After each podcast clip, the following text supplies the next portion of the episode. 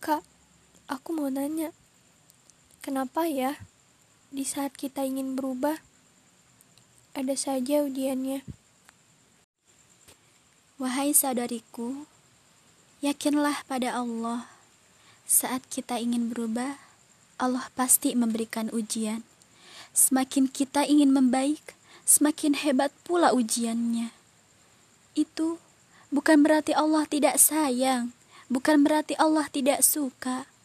Dia menempa kita agar jadi lebih hebat, agar jadi lebih kuat.